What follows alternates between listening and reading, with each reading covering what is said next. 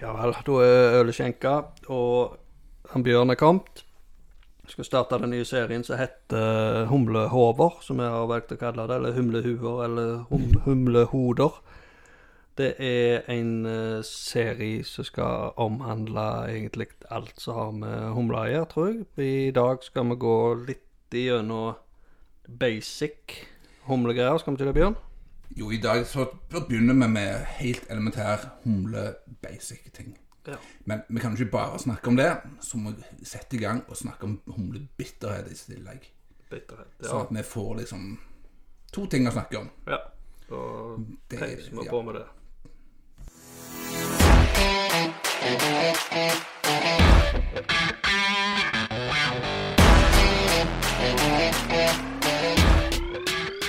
Da skal vi gå gjennom litt grann basic, ja, som vi sa her i innledningen. Og mitt første spørsmål til Anne Bjørn, det er jo hva er humle? Ja, det skal du riktig spørre om. Humle det er altså, det det latinske navnet humulus lupulus. Det er altså en, en, slyngplante, og han er flerårig. Ja. Sånn at han vokser liksom, du, du tar et par år før han begynner å produsere skikkelig med, med humlekongler som er interessert i. Og denne humulus lupulus tilhører hampfamilien. Altså med andre han er i slekt med marihuana. Oh, ja. Men eh, han har ingen psykoaktive stoffer. Vi kan jo gjerne si dessverre, men eh, uansett. Han har ingen andre effekt på oss enn ja, bitterhet og smak. Ja. Og humlen den forekommer naturlig i Norge. Og han forekommer i resten av Europa, ja, litt Vest-Asia og i Nord-Amerika. Og når vi snakker om humle, så er det det humlekonglen. Og jeg tror det beste bildet på en humlekongle, det er en, en furukongle. De ser nokså like ut. Ja, kongle er kongle. Ja. Og sånn helt historisk så vet vi at det har vært dyrket humle i Norge i over 1000 år. Så. Så det er, vikingene hadde dyrket humle, visstnok. Ja. Så det er ikke noen ny oppfinnelse. Ja. Men uh, en sånn kuriositet var veldig eksklusivt i virkelig gamle dager med, med øl som hadde tilsatt humle. Det var ikke en hverdagskost. Men vi skal ikke snakke så veldig mye mer om selve historien bak humlen og sånne ting. Vi skal snakke om hvordan vi bruker humlen, og hvordan vi bruker den i moderne ølbrygging primært. Ja. Men eh, før vi begynner, så vil jeg bare ha en sånn, ansvarsfraskrivelse, en disclaimer på engelsk. At vi diskuterer, nei, Det er mange ord her, mange ord og uttrykk på latin og på engelsk. Og Jeg skal prøve å oversette det til norsk så godt jeg kan, men det er ikke alltid det fins dekkende ord på norsk. Og så er det òg masse sånn kjemiske benevnelser og formler og sånne ting. Ja. Og det er jeg rett og slett ikke kompetente til å oversette til norsk hvis det finnes en, norsk oversettelse i det hele tatt. Ja, ja, ja. Så vi benytter oss av, de, av den som står der, den, den som jeg har funnet skrevet ned sjøl. Ja. Uten at jeg skal prøve å oversette dette. Men vi kan jo begynne med å liste opp hvordan humlen kommer. Hva former får vi humle i? Ja. Og Det mest naturlige, den eldste formen, det er jo altså et fersk humle. Det kalles wet tops på engelsk. Det er rett og slett at en fersk, grønn plante med masse fuktighet i. Akkurat som en annen grønn plante. Og så når du tørker den humlen, så får du en tørkehumle. Ja. Og så når du altså, Om du, du bruker da utgangspunktet fersk humle, så pelleterer du den. Så får du humlepellets. Og de kommer i ganske mange forskjellige varianter. Du har en som heter T90 pellets, det er den vanligste formen. Og så har du noen som heter T45 pellets. Det var originalt i gamle dager en ren bitter humle, men nå i moderne humleverden så er det en, en finere aromavariant av humlen. Og så er, noe, så er det andre former for pellets. Jeg kommer litt tilbake inn i det. For videre kan vi snakke om det er noe som heter cryohops. Ja. Og det er når de bruker en form for ja, cryoteknikk. Det er altså en dypfrysing, en flytende nitrogen de bruker til å utvinne lupolinpulveret. Altså lupol, det som er humleessensen, smaken og bitterheten av, av eh, humlen. Og det kom i to former. Originalt var det rent pulverform. Og det var det litt problemer med. Jeg tror nok du får det ennå, men det har en tendens til et lupolinpulver som ligger bare og flyter opp på øl. Det synker som ikke ned i ølen så godt. Så begynte de å lage pellets av det, eller pelleterte dette her. Så nå får vi det mest i, i humlepellets, eller cry- cryohops pellets. Så det er et relativt nytt cryohop-produkt som heter Lupomax humle. ja. Så jeg, jeg tror det er så vidt det, det er ikke så veldig, men Dette er jo veldig sånn hemmelighetskremmeri rundt dette. Men jeg tror det er litt mer at de har litt mer det grønne altså litt mer av det grønne materialet ja, for humlen inn i dette for å gi det en litt rikere, dypere, mer tradisjonell humlesmak.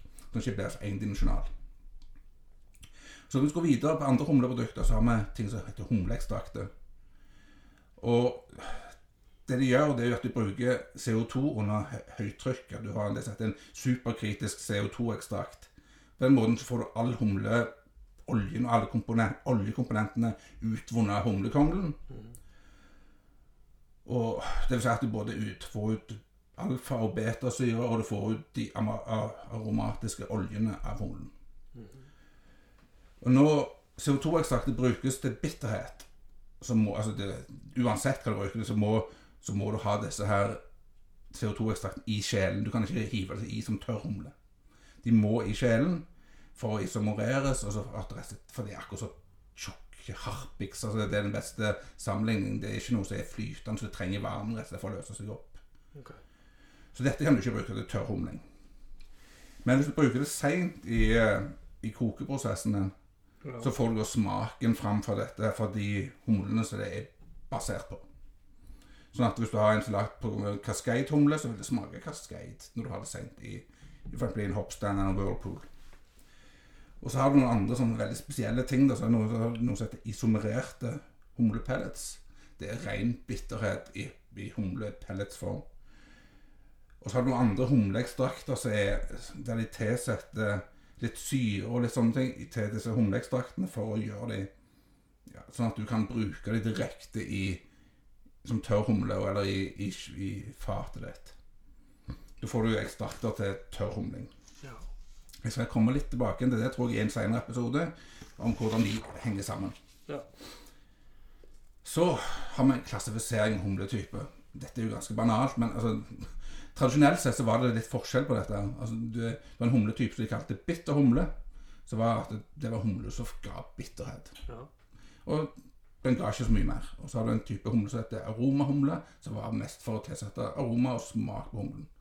Og så har du en slags mellomting som de kaller dual purpose humle, altså en begge deler humle, som både gir bitterhet og aroma. En kan jo gjerne da si at dette er mer en veiledning, en, inn- en, en inndeling du, som ikke har så veldig mye mening i virkeligheten.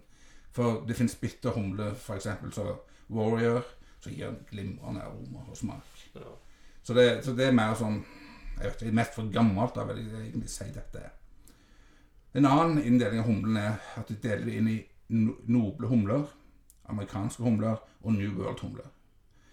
Og de noble humlene det er de klassiske europeiske humlene.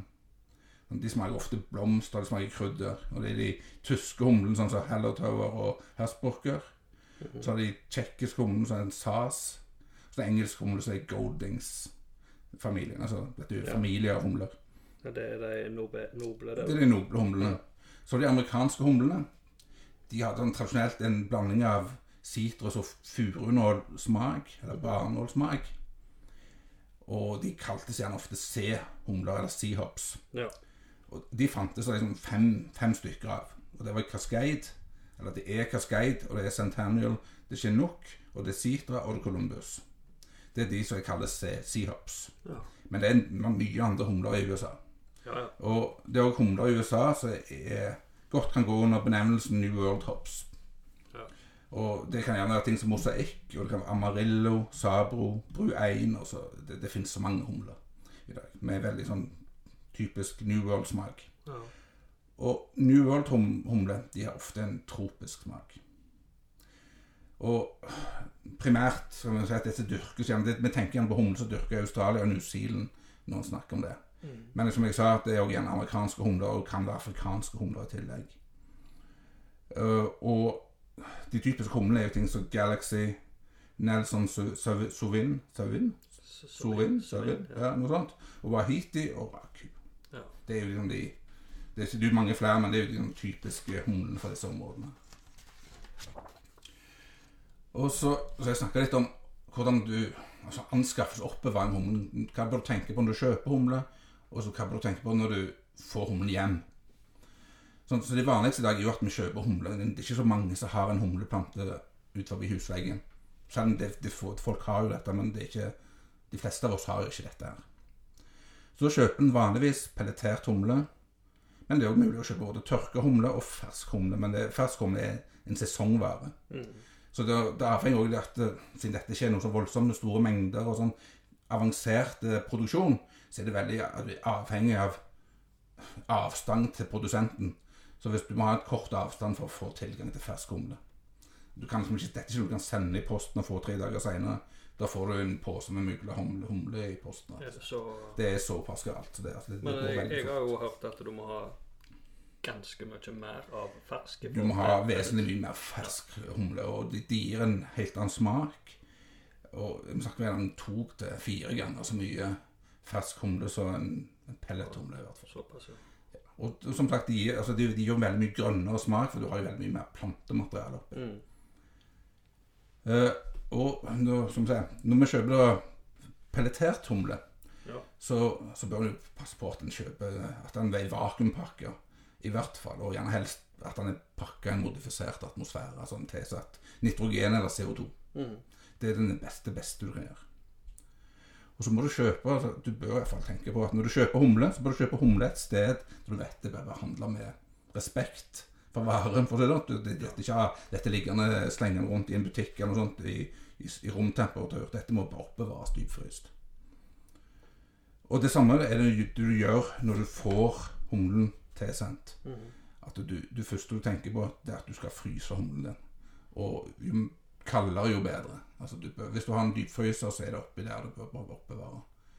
Og dette er jo selvfølgelig fordi du skal ha Ja, gjelder det nye pakker òg, eller bare åpne? Dette gjelder alle pakker. Alle. Alle pakker. Når du får humle, så er det rett i fryseboksen her. Ja.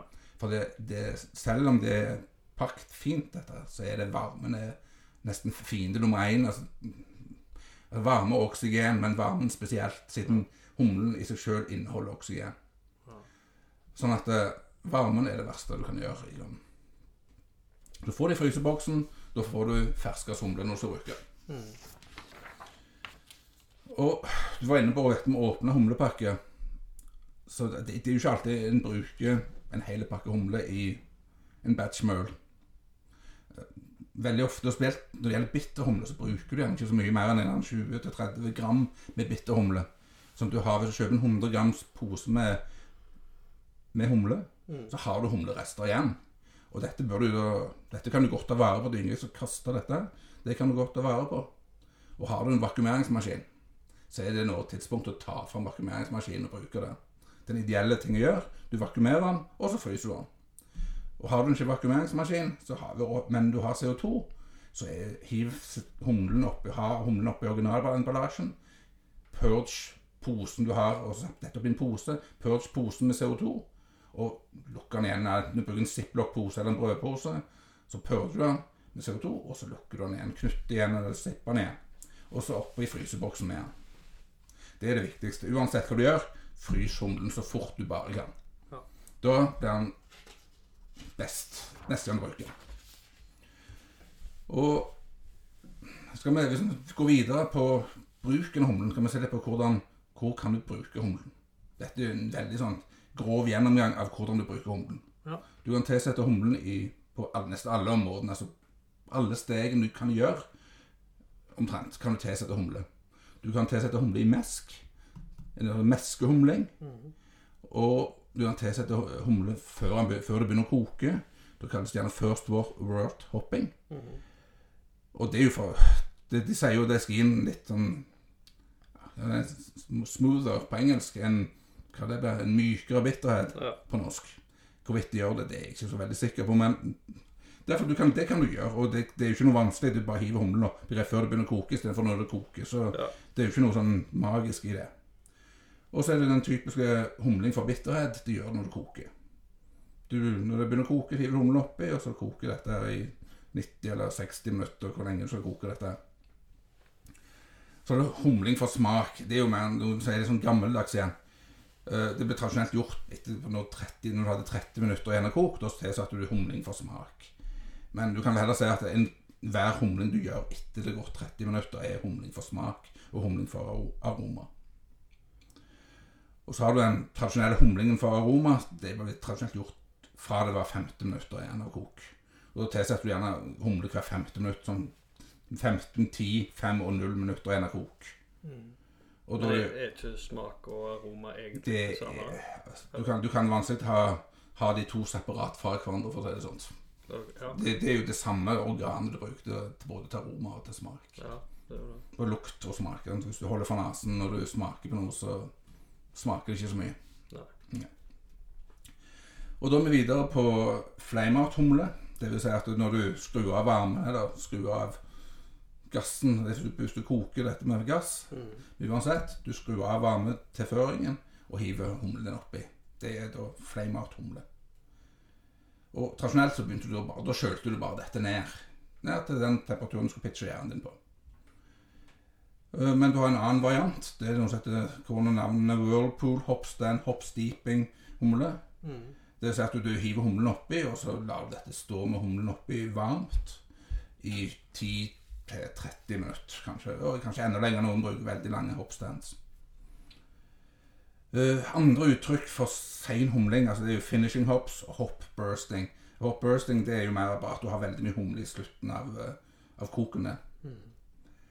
Det var noen som kom liksom helt på slutten, eller en overgangsperiode der han begynte så med veldig mye sen, sein humling. Da. Og det neste er jo Du kan jo kalle dette jo en første Det neste steget blir jo første delen av en tørrhumling. Det er jo en humling for biotransformasjon. Ja. Det er jo at du tilsetter humle mens du ennå har aktiv gjæring. Ja. Og du kan til- tilsette humle mange ganger mens du har aktiv gjæring. Det er jo en teknikk som brukes av noen. Men ofte anbefaler du at du, du tilsetter humlen men når aktiviteten av gjæringen dør ned. Når, når high cross, crossen er gjort, eller om du tilsetter det på high croisen. Og så lar dette gå ut. Ja. Og den, det, det neste steget da blir jo tørrhumling. Den tradisjonelle tørrhumlingen. Det ble gjort etter gjæringen er ferdig. Og en avart av tørrhumling til, det er jo fat, eller kegghumling, der en tilsetter humlen i fatet. Den neste tingen vi ser på, det er jo hvordan du måler opp og tilsetter denne humlen. I vår del av verden så bruker vi det metriske systemet, men USA bruker hva er dette? Det er imperial, imperial system for å veie og måle ting. Det er jo veldig rart, men de, våre mengder er oppgitt i gram, og de amerikanske mengdene er ofte oppgitt i unser. I, I hvert fall på størrelsen som vi bruker. Hjemmebrukerstørrelse. I en oppskrift kan du gjerne ha at du står at du skal tilsette 20 gram av en gitt humle. Og så skal, den skal tilsettes ved 60 minutter. Og du skal gjerne tilsette 30 gram humle ved 5 minutter. Og du skal gjerne ha 50 gram humle i en whirlpool eller hoppstand. Og det du gjør da, da finner du fram kjøkkenvekten. Veier opp humlen, som, akkurat som det står i oppskriften. De vekt, de, den vekten du skal ha av den enkelte humlen. Og så når du da begynner å brygge, og dette begynner, du er ferdig med eske, og så begynner å koke, så tilsetter du 60 minutter humlen. Idet det begynner å koke, så hiver du oppi humlen din for 60 minutter. Hvis du skal koke i 60 minutter. Hvis du skal koke i 90 minutter, så koker du først i 30 minutter, og så hiver du humlen din oppi når det er 60 minutter igjen å koke. Og videre, hvis du skal tilsette humle med 5 minutter igjen å koke, så tilsetter du humle med 5 minutter igjen å koke. Ja. Det, dette kan jo gjerne være litt mystisk første gang du ser en oppskrift der det står tilsett 60 minutter humle, men det betyr bare hvor lenge du har igjen å koke, eller hvor lenge humlen skal koke. Ja, det var jo litt om uh, basic humle. Uh, nå skal vi egentlig over til det som blir dagens hovedtema. Uh, han Bjørn han fortsetter å preike, så jeg gir bare mikrofonen over til han. jeg. Ja, og det som vi skal snakke om mest i dag, det er bitterhet. Men fra humlen så får du ikke bare bitterhet. Det er faktisk Hvis du skal grovt inndele dette, dette bidraget du får fra humlen, så er det syv ting du får fra humlen. Du får, som, som jeg sa innledningsvis, bitterhet. Ja. Du får aroma. Du får smak. Og så får du en munnfølelse. Og så får du skum, inkludert det som gjerne kalles lacing. Og så er humle et konserveringsmiddel. Og en forlengelse av det er at, at humle er en smaksstabilisator. At den stabiliserer smaken sånn at den ikke dør, dør ut over tid. Og til å begynne med så var det bitterhet var det eneste vi var interessert i når det, når det gjaldt humle.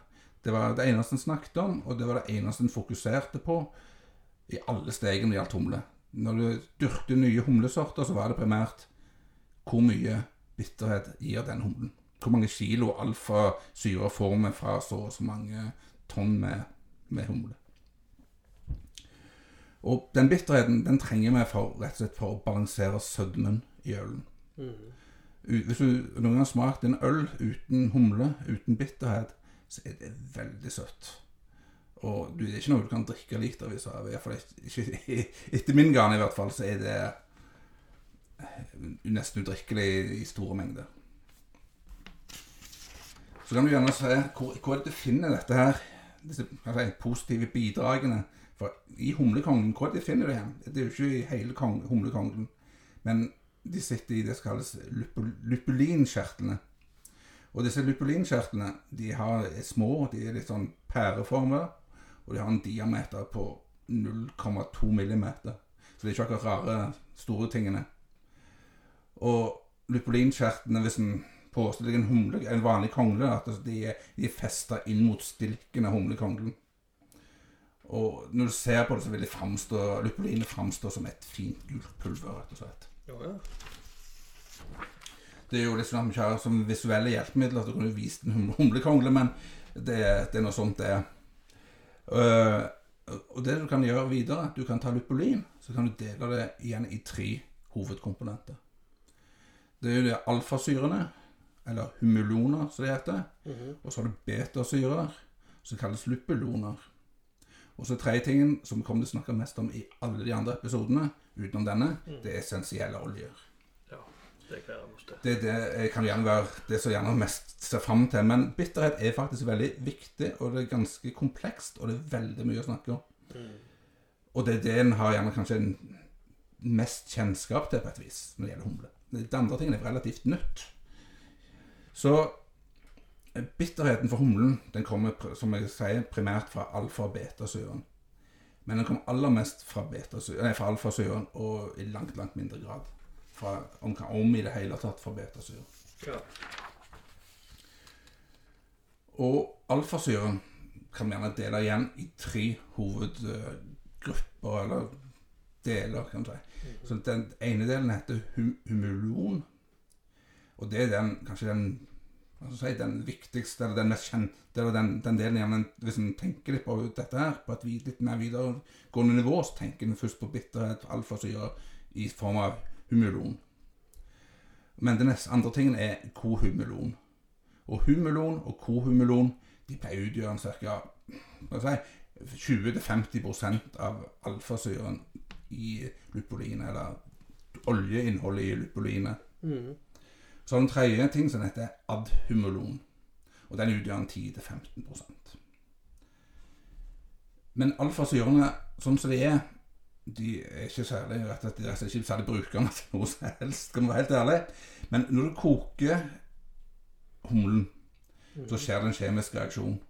Og disse, da blir disse alfasyrene de blir de blir isomerert til isoalfasyrer. Og isomerasjon, det vil altså si at du endrer struktur eller konfigurasjon eller sammenkobling av molekylene. Du får det, det, det samme kjemiske produktet, men du får en, altså den samme kjemiske formelen, men du får andre egenskaper. For eksempel, sånn alfasyre, det er hverken bittert, og ikke er det vannløselig, mens isoalfasyre, det er ganske intenst bittert, og det er ganske lett vannløselig. Kult. Og bare for å gjøre dette gå videre ned i partering, skal vi si at de tre hovedalfasyrene de omdanner seg til seks forskjellige alfasyrer når det kokes.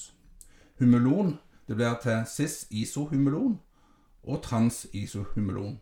Mens kohumulon blir da til cis-iso-kohumulon og trans-isohumulon. Og adhumulon blir til cis-iso-adhumulon og trans-iso-adhumulon. Så det. Så det, så.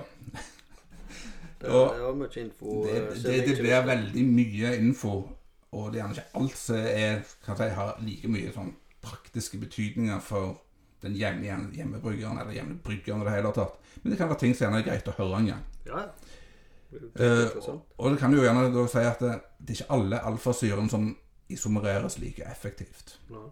Kohumulon den iso isomereres lettest til sine isoformer.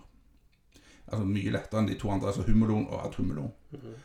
Og altså, det, har lenge vært, altså, det har lenge vært en myte, en overbevisning om at øl med høyt innhold av cis-isokohumulon har en uønska harsk eller hard bitterhet. Altså De sier 'harsh' på engelsk, det er ikke så lett å oversette det ordet til norsk. Mm.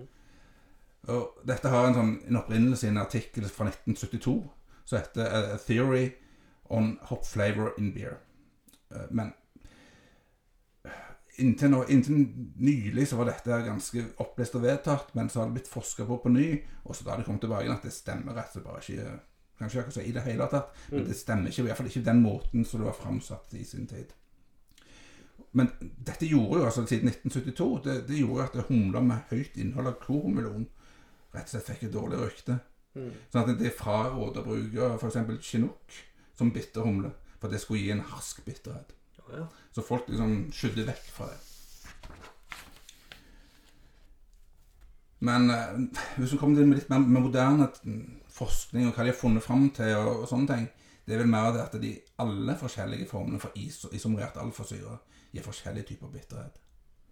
Altså både cis- og transversjonen av alle isosyrene gir sin egen bitterhet, en egen, sin egen opp, si, presentasjon av bitterhet.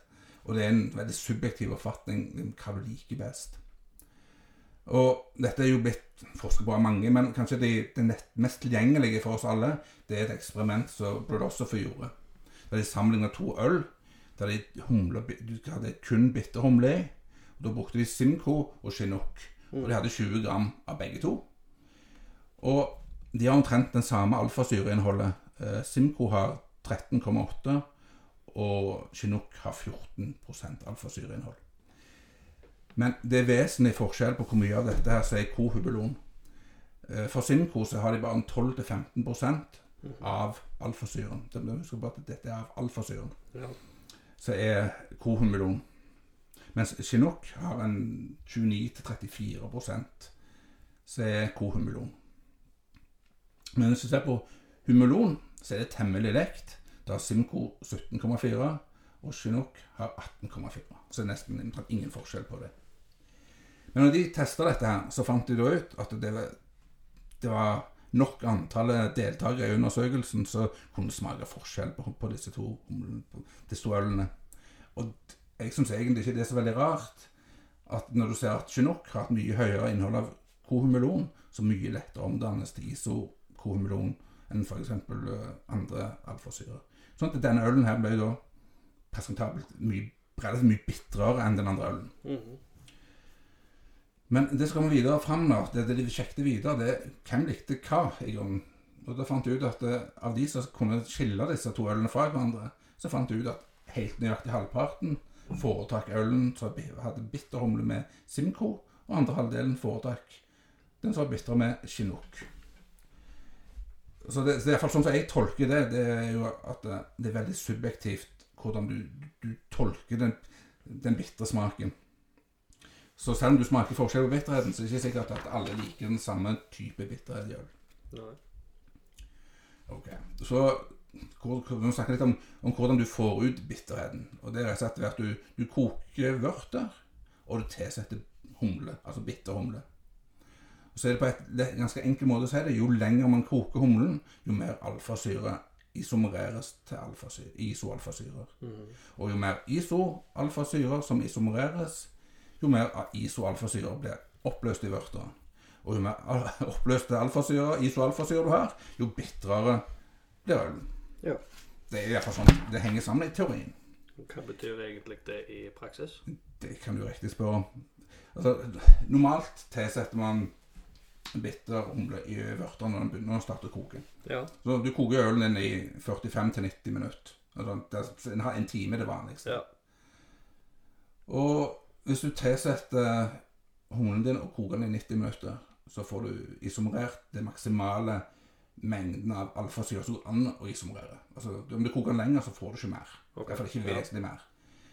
Og når du har kokt humlen din i 90 minutter, så klarer du typisk i hvert fall det er De eldste undersøkelsene viser at du, du klarte å trekke ut en ca.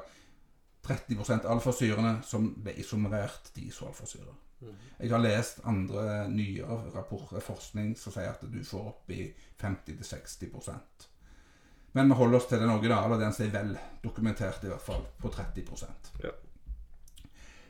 Og, og selv om du iso, isomerering, så skjer ikke dette linært. Det, si det skjer ikke liksom så og så mye alfasyre isomereres per minutt. Det skjer i, i større grad i begynnelsen. Sånn at det, 95% av all isomerasjon det skjer de første 45 minuttene. Så når du koker, hvis koker 90 minutter, så har du isomerert 95% av all, av all alfasyren etter 45 minutter. Og de neste 45 minuttene koker, så får du kun ytterligere 5% isomerasjon. Så du kan si, hvis det, det eneste du er interessert i når det gjelder koking, det er for mer alfasyre, så kan du egentlig stoppe etter ca. 45 minutter. Ja. Så egentlig ganske rart ekstra spørsmål, det, men hva skjer med resten av alfasyren? ja. Det var akkurat det jeg skulle spørre om. Ja, og svaret er jo rett og slett en vet ikke. Altså, en, Noe forsvinner jo med trubbdannelsen. Ja. Men eh, det har rett og slett ikke blitt forska så veldig mye på. Men det de antar, det er rett og slett at det, det er en prosess som jeg ikke vet helt hva er, som bryter ned alfasyre.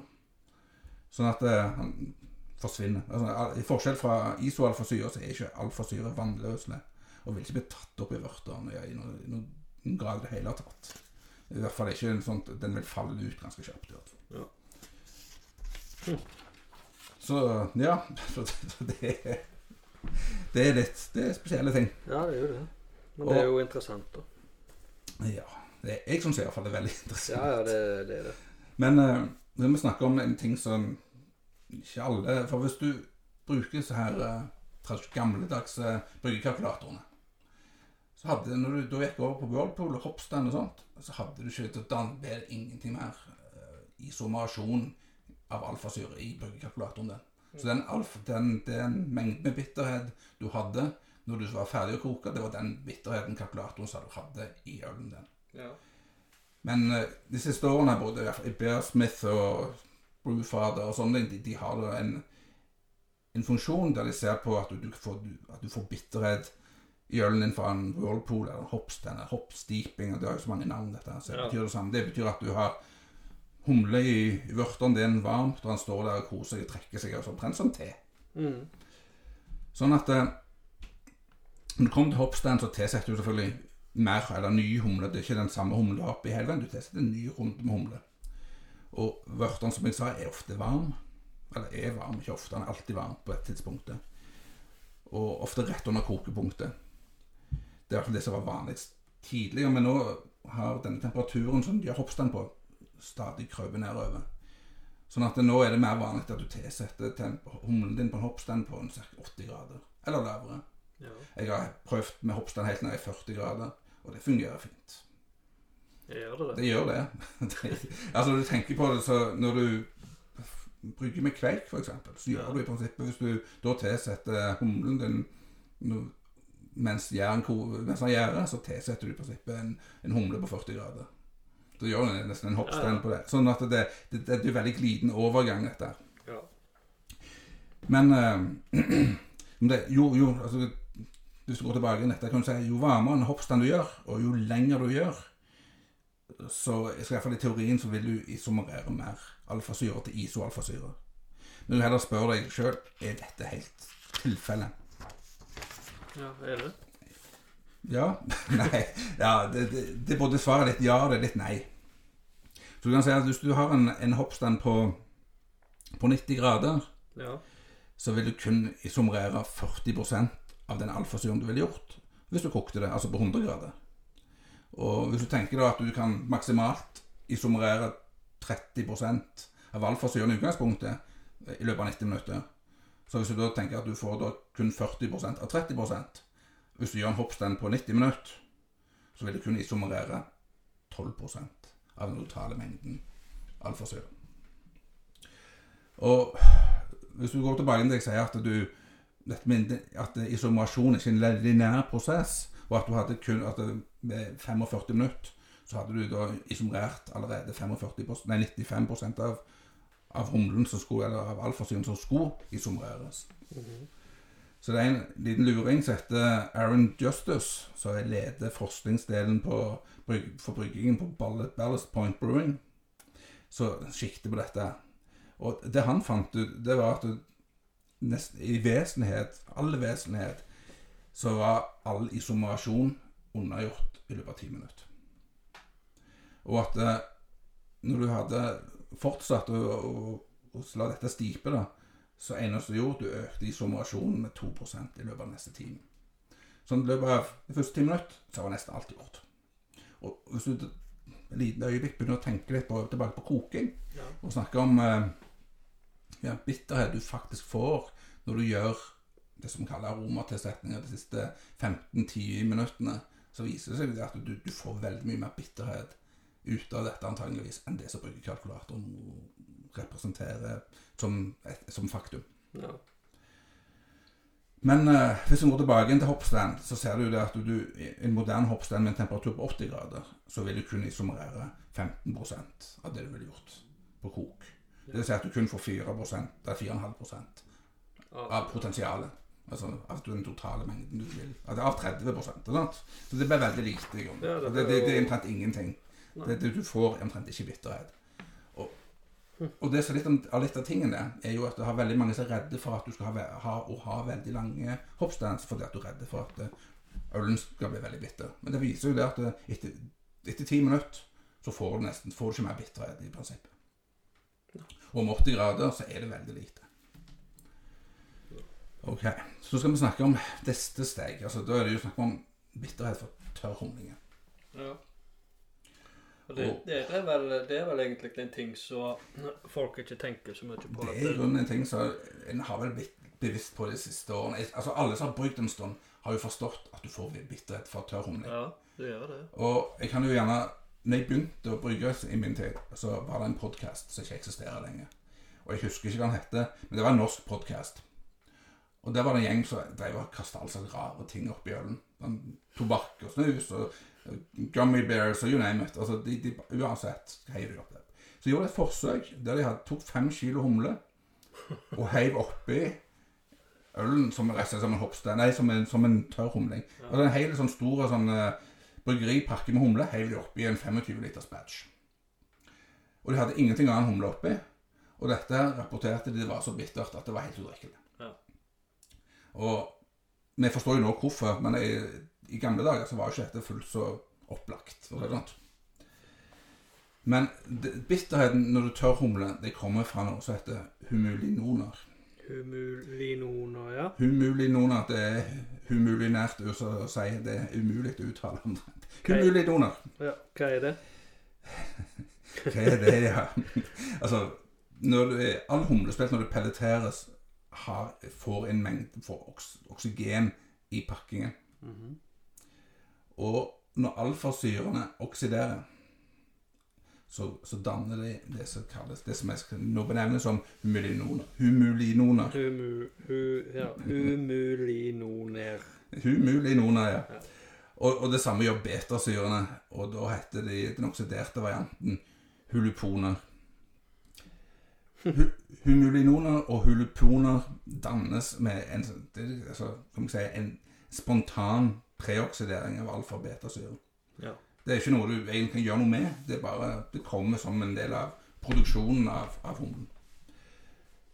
Uh, men det vil jo vise seg at du har jo, hvis du bruker altså, humle som ikke er pelletert, så vil du ikke ha så mye humuloner og huluponer i, i humlen. For det er liksom selve produksjonen av humlepelletsene medfører at du får mer oksidering. Så Så hva er dette her nå igjen? Humulinoner Humulinoner har en, har en altså, det, det ligner veldig på sånn på molekylært nivå. Så ligner det veldig på alfasyrer. Men de har en ekstra hydroksylgruppe. Og du kan alltid spørre hva en hydroksylgruppe er. Det får du slå opp en annen plass. Men, men, men det sier at det, det gjøre det, altså det står så kjekt dette gjør det mer polare. Så hva er polaritet for noe? I, en molekylær binding? Altså, Jeg prøvde å lese litt opp på dette siden jeg skulle skrive om dette, men jeg har ikke så veldig mye kjemi bakgrunn, så det, det blir veldig mye veldig gresk. Nesten bokstavelig talt. Men altså, jeg, så vidt jeg forstår, så har dette med de molekylære bindingene og hvordan de beveger seg litt i forhold til hverandre, og de kan ha polaritet i hver sin retning som gjør at det plutselig ikke har noen polaritet i det hele tatt. Ja. Men eh, humulonene det har det altså en Når de får denne hydroksylgruppen, gjør at de blir mer polare. Ja. Og jeg, altså, nå kommer det, kommer litt til kjernen av den, den polariteten. Det er at jeg antar at det er vørter med ganske stor sannsynlig en polar løsning. Og siden polare løsninger løser, seg, løser bedre opp polare substanser, Mhm. Så antar jeg at jo mer polar en substans er, jo lettere blir den oppløst i vørter. ja. Det- det er en- det. Er en ren antagelse av dette her, sånn at den eneste måten jeg kan forstå det på. Så altså, fordi humilioner er mer polare, så blir de lettere oppløst i vørter. Fantastisk. Fantastisk, ja. Men eh, det er gjerne lettere å snakke om andre ting som går videre, så snakke om bitterheten for humulinon, humulinonene. Ja, det, det er det ordet der, altså. Ja. Humulinoner. Ja, det er veldig lett å uttale. Ja. um,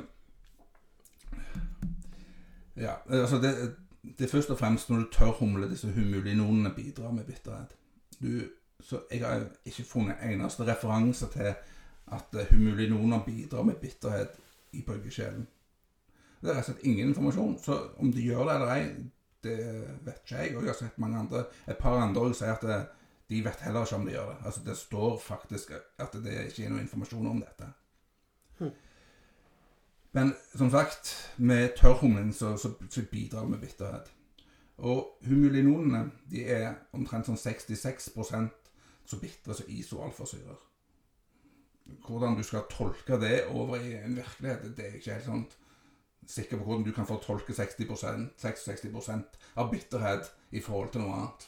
Men det er noe sånt det er i matematisk i hvert fall er sånt. Men altså, en annen ting de snakker om den polariteten. De snakker om at den, Siden det er en økt polaritet, så har de en, en mykere, en mer smooth bitterhet. For det at det, du, dette skal ikke henge igjen så lenge på tungen som isoalfasyrer. Ja, ja. Det sto i hvert fall en plass jeg leste dette her før jeg gjorde forberedelsen denne podkasten. Research. Ja, litt research. Ja, men det er bra, det. Så den får ta for det det er. Ja, ja, ja. ja. Så, men eh, tør, det, du får bitterhet fra andre plasser enn humulinoner i, når du tørrhumler. Og den andre plassen du får bitterhet fra, det er fra polyfenoler. Det er en gruppe kjemiske substanser som du finner i planter.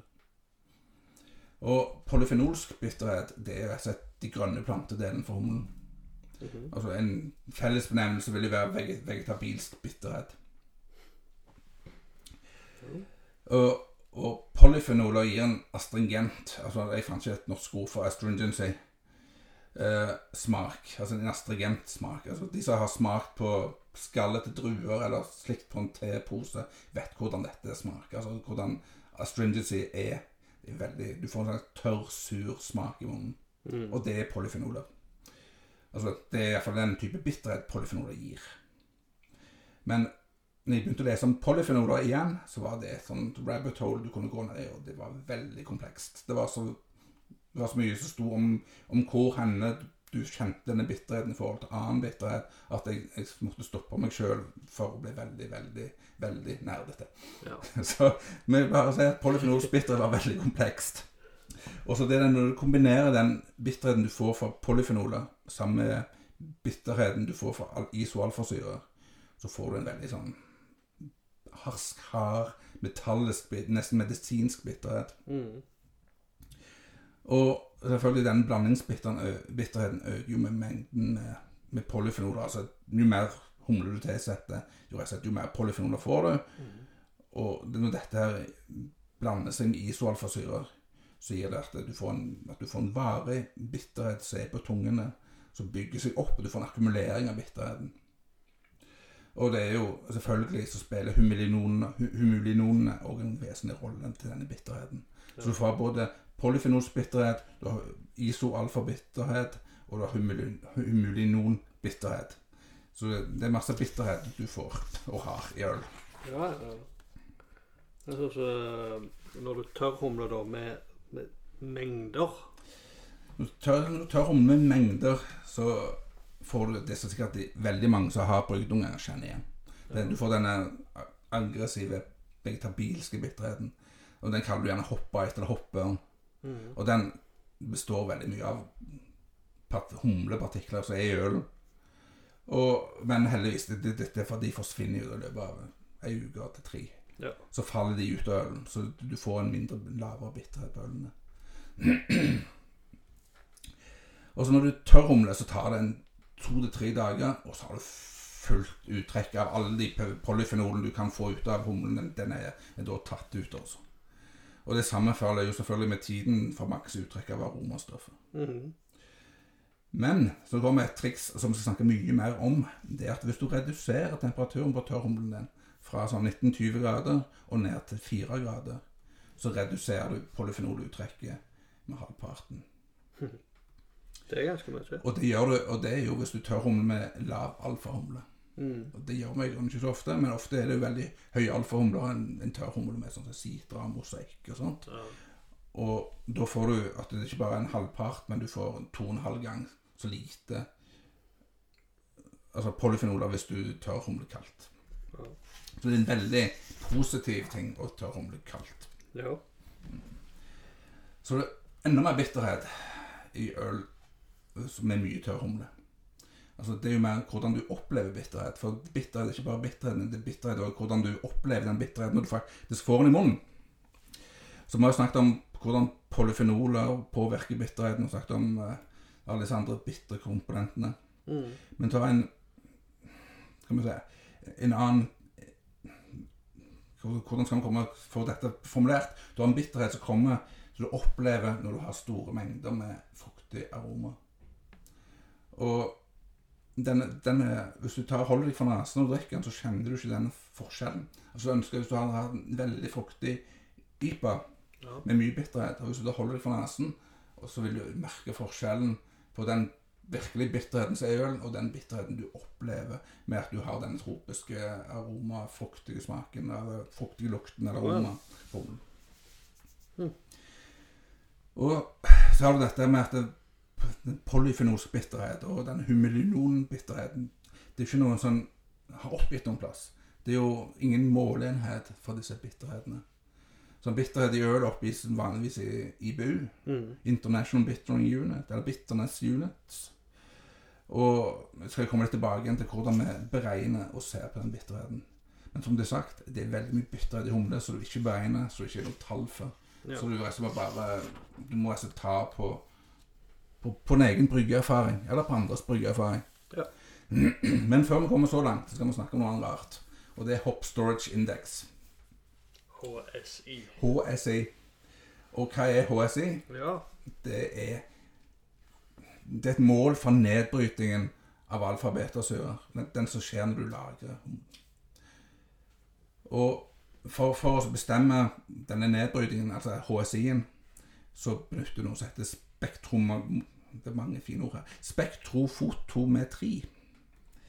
Det er altså den Da måler du Eller kan du si det på en annen måte Nedbrytingen av humlen den sammenfaller med en progressiv økning i opptak av lys i bestemte bølgelengder i det ultrafiolette spekteret. Ja. Og det er det du måler med denne spektrofotometrien.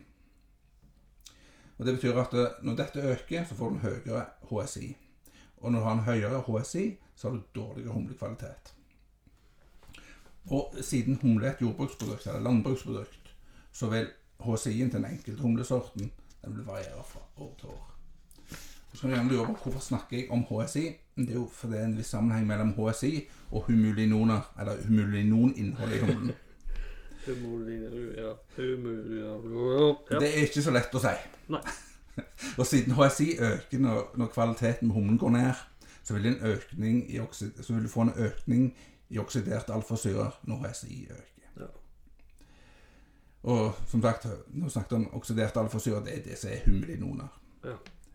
Og der ser du igjen viktigheten av det å oppbevare humlen korrekt. Fordi at hvis du ikke gjør det, og så får du en, en humle med høyere HSI, altså du, du får mer oksidert alfasyre, altså mer humulinoen i, i, i humlene. Og da, når du da tør humle med denne humlen, så får du en mye bitrere øl enn det du strengt tatt trenger å få. Med at du får en høyere grad oksidering av alfasyrene. Så hvis du da oppbevarer humlen kaldt, og helst i en modifisert atmosfære, så, får du en lavest mulig HSI. Altså en best mulig humlekvalitet, og du får minst mulig humulinoner i tørrhumlen din. Ja, men Det tror jeg ikke det er så mange som vet. Altså når du går og kjøper Nei, jeg, jeg tror ikke det er så mange som vet det eller tenker på det. For det er ikke noe jeg egentlig tenker på annet enn hver gang jeg skal sette meg ned og så gjøre sånn som dette her. ja. Nei, men altså når du går på butikker og sånt, også, så er det jo ikke dypfryst, humlene. Som regel. De står som regel i kjøleskapet. Hvis du er på en seriøs butikk, så har de det ikke i et, fry- et fryselager. Ja. Eh, jeg vil tro det. Det er jo litt det jeg sier når du velger hvor du kjøper humlen her. Mm. Så kjøper du humlen fra plasser der som har humlen oppbevart dypfryst. Ja. Altså, det er stor forskjell på å ha den i kjøleskap og ha den på minus 18 grader. Ja, ja. ja det, Altså, det, det er rett og slett at biologiske prosesser går bare. Si, Jo kaldere det lagres, jo senere går det. Ja, ja, det har jo med det så som du sa nå, med HSI og alt dette. Ja, alt dette med kvaliteten på humlen. Altså det, uten at gå i detalj skal man bare si kvaliteten på humlen. Ja. Det er bedre du kaller det. Så med andre ord, du bør ikke oppbevare humlen varmt i månedsvis. Og hvis du gjør det, så kan du antageligvis ta lukta på at den humlen ikke er spesielt god lenger. Da kan den fort ende at den lukter rett og slett eh, ost. Oh, ja. Eh, Ost er en sånn generelt sånn lukt du får hvis du lagrer humle litt varmt og litt dårlig. og Ikke bør deg så mye med humlen til at den begynner å lukte ganske cheesy, så det er på engelsk. Kult. Ja da. Og sånn, at det er jo korrekt lagring av humle det er spesielt viktig for høy alfa. Ja. Altså de, de med mye alfasyre. For klart, jo mer alfasyre du har, jo mer homolinon er utilgjengelig for Altså, kan du si Jo mer alfasyre du har, jo mer alfasyre er det tilgjengelig for oksidering. Ja. Sånn at jo mer det er tilgjengelig, jo mer vil det rett og slett bare oksideres. Så da er det veldig viktig at du, du prøver å begrense dette i størst mulig grad. For det er jo den, den type humler vi bruker når vi tørr humle. Sitra, eksempel. Det er jo sånn klassisk tørr humle for, for oss hjemmebrukere. Ja. Sånn, ja. Men vi gå fra humulinoner og sånne ting og litt mer inn på hvordan du faktisk beregner bitterheten. Ja. Og da tenkte jeg veldig lenge på hvordan Hvor begynner, hvor begynner vi henne med dette her? Men da tenkte jeg at vi begynner med to ganske gamle benevnelser. Det ene er Alpha Acid Units, AAU. Det, det har vi jo fremdeles. Men det andre her er det som kalles Home Bitterness Units, eller Home Bittering Units. Mhm. Det er egentlig to benevnelser for akkurat den samme tingen. Det de gjør når du beregner AAU, eller HBU, som er forkortelsen for disse kjekke tingene, det at du beregner vekten av humlen, så ganger du med prosentene med alfasyren, prosenten. Oh, ja. Da får du et, eh, et uttrykk for bit, det bitter potensialet humlen her.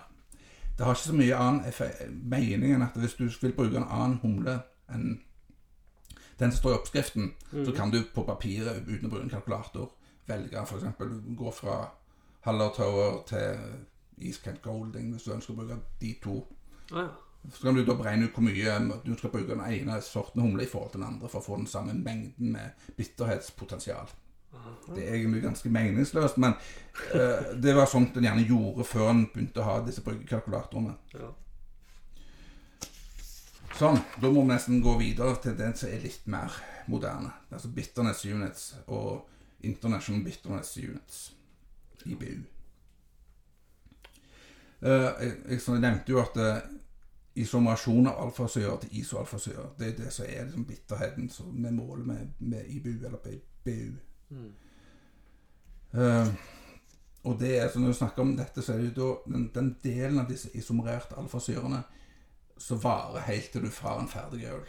Den som overlever hele prosessen, den som overlever bryggesjelen din og gjæringen din og alt dette her. Den som kommer, den du har i den endelige ølen, det er den IBU-en som er potensielt, eller ideelt sett, skal kunne måle. Ja. Sånn at det, bitterness units, det er altså vekten av humlen igjen. Og så ganger du det med alfasyre, akkurat sånn som vi gjorde i utgangspunktet. Og så ganger du det igjen med en pros- prosent utbytte, Mhm. og så ganger du dette med en sånn snedig ting, så er 10 delt på det endelige volumet ditt. Det er altså formelen for å beregne bitterhet. Så enheten for, for BU, det er milligram per liter. Og det er det samme som parts per million, hvis du ser det noen plasser. Det er milligram per liter. Så utbytte, som utbytteprosenten som jeg nevnte, det er basert på to faktorer. Den ene faktoren er gravity på vørteren før kok, altså pre-boiled gravity. -hmm. Og det andre er volum av vørter etter kok. Ja.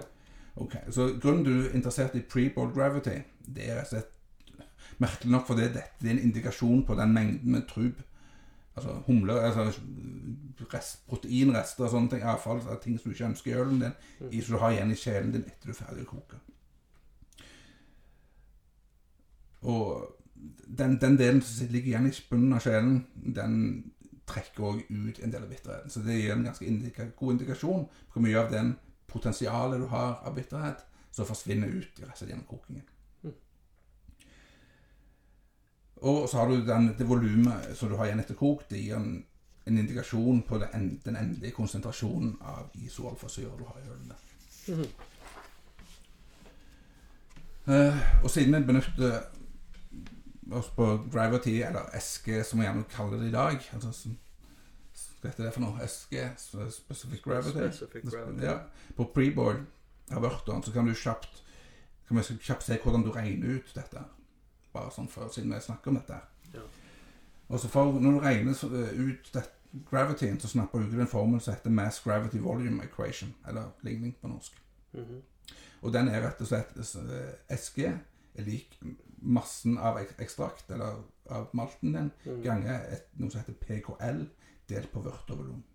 Altså mass, mass of gravel extract er altså vekten malten. Mhm. PKL det er points per kilo per liter. Altså gravity points per kilo per liter. Og siden vi skal snakke om humle og ikke vørterproduksjon, så har jeg brukt DME som eksempel. Ja. En typisk DME har en PKL, altså gravity poeng per kilo per liter, på 350. Dette gir veldig, veldig mye mening når man sitter og hører på og ikke har noe å skrive ned, men jeg bare går videre og så snakker i vei, at dere kunne se dette. Ja. Så ehm,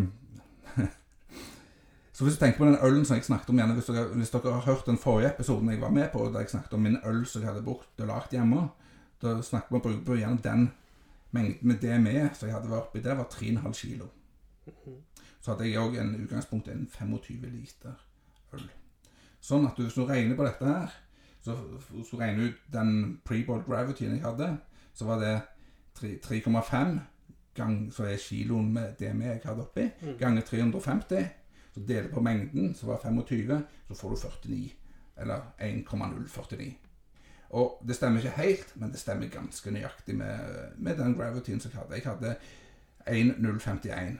Ja. Men jeg kokte jo ikke ølen min mer enn ett minutt heller. Så det, så det ble liksom litt av, så du kan si at det er litt avvik her. Sånn. Men jeg vet ikke om jeg skal bare skippe den biten, for det ble veldig sånn teknisk.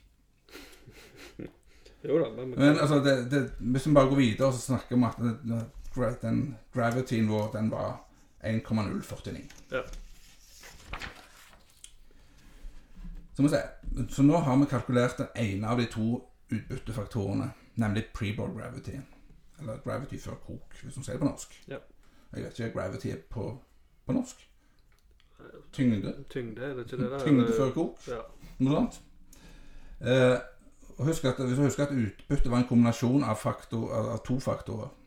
Så isomasjonsraten av den ene er tap av isoalforsyrer til vørt og miljø. Altså hvor, hvor henne i tapet Isomasjon Hvor det? Hvor du taper isoalforsyre henne i koken din. Mhm. Og dessverre, for bare for å gjøre dette enda mer komplisert, så må vi snakke om Glenn Tinseth før vi går videre, syns jeg. Ja. Og det er en mann. Som er lever, i- som lever i beste velgående en plass i USA. ja. Og hvis, Morsomt norsk navn. ja, Glenn er veldig norsk, men Tynset er jo ikke fullt så norsk. Nei. Men hvis du har en bryggekalkulator, og de fleste har en hvis de vil, for det fins gratis bryggekalkulator på nettet Ja. Så hvis du kikker på IBU-beregningen, så har du ofte mulighet til å velge mellom tre forskjellige modeller. Og Den ene av disse modellene er da Tynset. så det som Rager, eller Rager, og en som heter Garsett. -hmm. Er det den heter? Gar... Gareth. Gareth heter nok. det. Men den som jeg bruker mest i dag, det er Tynset. Så er etternavnet til Tynset, for det var han som lagde modellen. Og han oppdaget at eh, når du bruker Rager eller Gar Gareth, så reflekterte det veldig dårlig det som faktisk skjedde i brukersjelen. Mm -hmm. Og det han gjorde da han holdt på med dette, han kokte vørter og gjorde forskjellige humletilsetninger, sendte det inn til laboratorium for å få bitterheten, og så plottet han dette i en graf. Og det var rett og slett bare sånn han gjorde. Og det, det viser jo egentlig litt om hvor relativt tilfeldig denne beregningen egentlig gjort. Selv om han gjorde godt arbeid, så brukte han hel humle, han hadde sitt bryggeutstyr. Altså, det har ingen mening egentlig for oss andre, men, det er det vi bruker i dag for å gi et uttrykk for bitterhet. Og for som en kuriositet kan jeg jo nevne at eh, jeg hørte et intervju med Glenn Tinseth i en podkast som heter Experimental Brewing. Så hvis du vil høre dette intervjuet med han, så fins det. Og hvis du går inn der og leter etter det i arkivet deres. Ja. Men han, grunnen til at jeg snakket litt om Tinseth, det er jo bare for å få navnet hans inn, og litt om hva han hadde gjort. Men det, han, det som er vesentlig, mer vesentlig for dette vi snakker om, det er at han lagde en, altså en tabell. Ja. Og den heter Glens Hop Utilization Numbers. Så hvis jeg googler det, altså Glenn, Glens Hop, Hop Utilization Numbers, hvis dere googler det, så finner dere tabellen. Og han har også gjengitt mange lærebøker. Så How to Brew har ikke den, så har den òg den tabellen i seg. Så hvis vi, nå, hvis vi nå ser på og skal kalkulere dette utbyttet, og har en vørter med gravity på 49, som skal koke i 60 minutter, så ser vi i tabellen, og så leser du rett ut av tabellen. Den har ikke to desimaler, den har bare én desimal, så vi runder opp fra 49 til 50 og leser ut tallet direkte fra Der står det tall per, per, per 10 minutter, og så står det per 10 gravity poeng. Så kan vi da lese ut et nummer for, for utilization, altså utbytte sånn her i den tabellen der. Så bare hvis en bruker et kjapt eksempel, og jeg sier at jeg tilsatte 20 gram Idaho 7 med 6 minutter kok, og at jeg hadde 20, 20 liter vørter igjen etter kok, mm. så kan vi da regne ut dette bare for gøy. Så da får du en bitterness unit på er lik, eller bitterness synes er lik 20, det er de 20 gram med Idaho, Mm. og så ganger jeg det med alfasyreinnholdet i Idaho 7, Ja. så er 13% Så 20 ganger 30. Så ganger vi med dette eh, tallet, så er 0,231, som leser ut av tabellen. Og så ganger en med 10, eller en parentes, altså 10 delt på 20, så er en halv, eller en todel. Og så får en altså 20 ganger 13 ganger 0,231 ganger 0,5 er lik 30 i bunn. Ja. 30 bitterness units. Og har du flere bitte sånne humletilsetninger, så kan du regne ut dette på samme måten. Og så summerer du det, så får du en total bitterness units for hele brygget ditt. Uh, vi kunne sikkert gått mye mer inn på dette her hvis en hadde hatt uh, kunne tenkt og forklart. Men uh, det er ikke så lett å snakke bare uten å peke og tegne for å vise regnestykket. Ja. Så vi går videre uten å snakke så mye mer om det detaljene rundt utregning. Det finnes mye mer kompliserte måter å regne dette på. Men så kan du gjerne spørre Nå har vi snakket om bitterness units, altså hva er egentlig IBU? IBU er akkurat det samme som bitterness units, bare det er satt som en internasjonal standard. Sånn at IBU er det samme som BU, så er eh, bitterness per milligram per liter. Mhm. Eller parts, parts per million. Parts per million. Det vil si at én IBU er 1, gram, 1 milligram isoalfasyre per liter vørter. Ja. Så var det det vi snakket bitte litt om. Det er uviktig. viktig. Ja. det er. Det er både ja, og så er det er nei. På et vis er det viktig, på en annen vis er det så helt uvesentlig skal man få det. Altså, det gir en, altså bit, IBUD gir en felles definisjon på bitterhet i øl. Det har en, en sett med type retningslinjer hvordan du skal beregne. Men det han ikke gjør, han differensierer ikke mellom type bitterhet eller kilder til bitterhet, men han gir deg isoalfasyre. Han gir deg ikke humulinoner, han gir deg ikke polyfenoler. Og IBU gir på ingen måte et korrekt bilde av hvordan du opplever bitterheten til ølen. Mhm. Du kan ha to øl med nøyaktig samme bitterhet, så du opplever vidt forskjellig.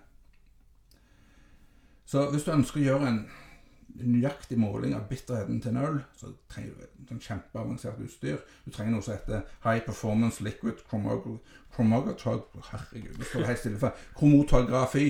Chromotograph. Ja, det er sånn tongue twisters. Eller forkortelsen er HPLC. Og det er jo ingen som har sånt utstyr hjemme, for dette er jo utstyr til mangfoldige 100 000 hvis vi ikke kommer opp i millionklassen. Ja. Så den viktigste bruken for oss som hjemmebrukere av IBU-beregningene, de gir oss, de gir oss en referanseramme når vi smaker på ølen vår. Er den for bitter, ja ok, da kutter vi ned på bitter humle, og så prøver vi neste gang. Ja. Det, utover det så har det i grunnen ingen mening, egentlig, hvis du virkelig satt deg ned i hva det er dette for noe. Så IBU er et tall som er beregnet så veldig mange er veldig opphengt i, så har null si, applikasjon i virkeligheten, annet enn at det er et tall. Men sånn så tap av bitterhet og alt dette her når du, når du brygger, altså gjennom bryggeprosessen, hva, det må jo være noe eh, som blir dratt ut, på en måte. Og hva, så, hva skyldes det av? Ja, altså det, det første, de fleste når du taper bitter, isoalfasyre og andre bitterhetskomponenter, så blir de blir dratt ut av ølen, som du sier. Og det skyldes jo at at isoalfasyrene de er rett og slett klissete. Det er det beste ordet jeg kan si på det. De, de, de, de setter seg fast overalt. Det kan være i veggen, i bryggesjelen din, det vil fester seg i, i truben, slik i bånn, altså i, i duppkjøleren din, i alt som er i kontakt med, med vørteren din, vil disse isoalfasyrene feste seg til. Så det er gjærtanken i gjæren din, så det er veldig mye rett og slett du, du taper gjennom byggeprosessen. Ja. De, de detter ut overalt. Det, det er nesten så enkelt å si så det. Kan det dette ut på noe vis, så detter de ut. Ja. Eh, så, så igjen så ser du at det som kalkulerer IBU det, At du skal ha med alle de tingene som påvirker IBU, så er det nærmest en, en, en umulig oppgave å lage en matematisk formel eller tabell eller noen slags form for beregning av alt dette. For det, det, det, er så mange små detaljer. Også. Ja. Men når man kommer over på uttrekk av bitterhet, så er det ganske mye rare ting. Også. Du, du, du, du har sånne ting som du sjelden kommer til å tenke på hvis du ikke spesifikt leser om sånne ting som dette. Men du har uttrekk av bitterhet og hum, hum, humulinoner. Det er to ting som gjerne de henger litt sammen. Sånn at eh, av de rare tingene du kan komme inn på, altså, det er at det, det viser seg på et vis, ifølge en fyr som heter John May, så, så sikter på dette, han oppdaget dette, at det finnes en slags sweet spot for bitterhet. Det er et område der bitterheten er på et vis ønsker å være i forhold til tørr humling. Og det viser seg at sånn rundt 25 IBU, det er liksom det, dette her sweet spoten for, tørr humling. Har du mindre IBU-er i ølen din enn 25, og du tørrhumler, så vil du få en bitrere øl. Men hvis du har 20 IBU og hiver oppi tørrhumle, så får du en bitter øl. Så trekkes IBU-en mot 25. Og, og det som faktisk skjer, det er at du, du tilfører bitterheten fra humulinoner, altså humul, humulinonene, og det, du tilfører mer humulinonbitterhet enn den så isoalfasyren blir trukket ut at du hiver oppi tørrhumle, så faller isoalfasyren ut med at den fester seg på humlepartiklene og faller ut til bunns i, i gjæringskaret ditt. Så du får mer humulinon, bitterhet enn det som klarer å trekke seg ut av alfas, med isoalfasyrer. Men derimot har du en høyere IBU enn 30, en, en 30 for eksempel. Så å hive oppi humle Det som skjer da, det er at du rett og slett du trekker ut mer bitterhet ved at du i isoalfasyren fester seg igjen til humlerestene, eller humle, humlematerialet, og faller ut. Og isoalfasyrene klarer ikke å kompensere for den bitterheten. Så det som skjer da, at, det, i- at du får mindre bitterøl, at du, du taper mer bitterhet enn det som du tilfører. Så at det trekker seg litt mot den 25 IBU-området. Det er jo en veldig rar ting. Jeg syns det er, er veldig rart, for å si det pent. Ja. Eh, Andre ting vi kan snakke om, det er tørrhumling og pH. Altså ba, den hvor basiske eller syrlige eh, ølen din er. Og en studie fra 2019 fant ut at eh, tørrhumling den økte ganske konstant pH med ølen din på, med en pH på 0,03 per gram per liter tørrhumle. Og du tenker på at det, hvis vi lager neip, altså tørr humle med gjerne med 200 til ja, kanskje oppimot et halvt kilo med, med tørr humle i en 25 liters batch. Mm. Altså det er, Da snakker vi om 8 til 20 gram per liter med tørr humle. Ja. Altså det, du, du får altså en ganske kolossal økning av, av pH-en i, i, i vørterne. Du får en mye mer basisk vørter enn det du hadde i utgangspunktet. ja. Men da må jeg bare skyte Tar, tar da bryggeprogrammene akkurat den delen med seg? Nei, no, er overhodet ikke brygge. Det er ingen bryggekalkulator som tenker på dette. Det er, altså, de fleste bryggekalkulatorene de, de fungerer helt fram til du eksempel begynner å gjære, og så stopper de opp på et vis. Ja. Kanskje til og med ennå ennå når du er ferdig med varm side, altså før du er overført til gjæringsfat, Mm. vil det faktisk de fleste stoppe. Ja. Sånn at det har ingenting med dette, har ingenting av dette i, i seg. Nei. Men altså det du, Om en skal kompensere for den her eh, økte pH-en eller ei, det, det, det vet jeg ikke. Altså det, du, må, du må helst ha brukt den samme ølen mange ganger og så sett hva du liker. For det er måter du kan jo gjøre pH-en i utgangspunkt på ølen din lavere hvis du ønsker å kompensere for det. Mm, mm. Og det som sto om dette her, da, det var jo at du, du øker pH-en, og at det vil gjøre den eksisterende bitterheten mer bitter. Men for meg virker dette veldig sånn kontraintuitivt. Av at eh, hvis du har surøl, da vil du ikke ha en veldig bitter øl. Altså, Hvis du har en surøl og hiver veldig mye bitterhumle oppi, så blir den bortimot udrikkelig. Ja. Så jeg er ikke helt med på hvor- hvorfor en, en økt bitterhet gjør at en ølen blir mer bitter. Jeg vil jo si at en økt pH vil gjøre ølen mindre bitter. Men det sto nå iallfall i denne rapporten at den gjorde ølen mindre bitter. Nei, mer- bitter, unnskyld. Ja, Mer ja, bitter. Så en får ta det for, for det det er. Det, det, det virker ikke så veldig logisk for meg, men det sto når jeg refererte, og jeg tenkte jeg skulle ta det med her, siden vi snakket om bitterhet, og jeg ønsket å få med mest mulig rare ting om bitterhet. Ja, ja. Så har vi jo Vi har jo snakket veldig mye om alfasyre. Jeg begynte gjerne med å si at det var både alfa- og betasyre i øl. Og betasyren deler deles inn i tre hovedgrupper. Og Da snakker vi om lupulon, lupulon og kolupulon og adlupulon. Men nå er det noe sånn at det, på et vis heldigvis, siden jeg har snakket om en, en time om alfasyre omtrent, og bitterhet derfra, så, så er det godt at det, betasyrene de, de spiller en veldig liten rolle i, i ølbrygging generelt. De er ikke vannløselige i det hele tatt. Og ISO-varianten av disse er heller ikke spesielt vannløselige. Men det som derimot er der de kan spille en rolle, det er at de har en, en oksiderte komponenter. At de også, på samme måte som humuli- humuliloner. Mm. At de spiller en, en bitterhet på den måten der. Og når vi snakker om beta-humle, så er det naturlig at at en betasyre, så er det naturlig å begynne å snakke om bitterhet fra gamle eller modne humler. For det er en teknikk en bruker i tradisjonell eh, lambic-brygging. Det er at den modne humlen altså det, På engelsk heter det aging. Det fins ikke et egentlig norsk ord for aging. Det er Enten er det gamle, eller så blir det eldede. Jeg vet ikke om det er et norsk ord engang. Så jeg kaller det modnede humler. Ja. Og det, det, det, som jeg har snakket lenge om, det er den bitterheten en får for disse modne humlene. Eller modnede humlene. Det er ofte sånn, Tradisjonelt sett sier de at den er en veldig sånn hard, harske bitterhet. Så den får for de oksiderte alfa-betasyrene.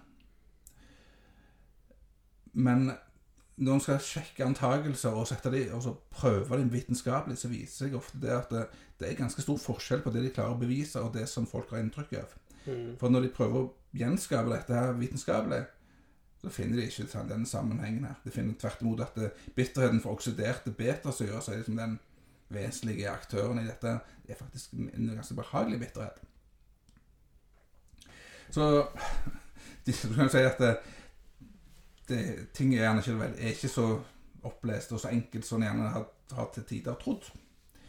Så de naturlige oksidative prosessene i humlen de brytes ned, og det dannes humulinoner fra alfasyren, og så de, danner de òg disse oksiderte uh, betasyretingene som heter hulupuloner, og det er sikkert andre òg, men jeg, jeg skipper alle disse detaljene. For helt nylig så ble det oppdaget syv nye bitterkomponenter for oksiderte betasyrer. Da mener jeg helt nylig. Jeg tror det var i 2020 de oppdaget dette.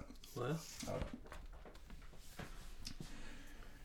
så Så kan vi da helt sånn helt på tampen si da at oksiderte alfasyre er ikke så bitre som oksiderte betasyre.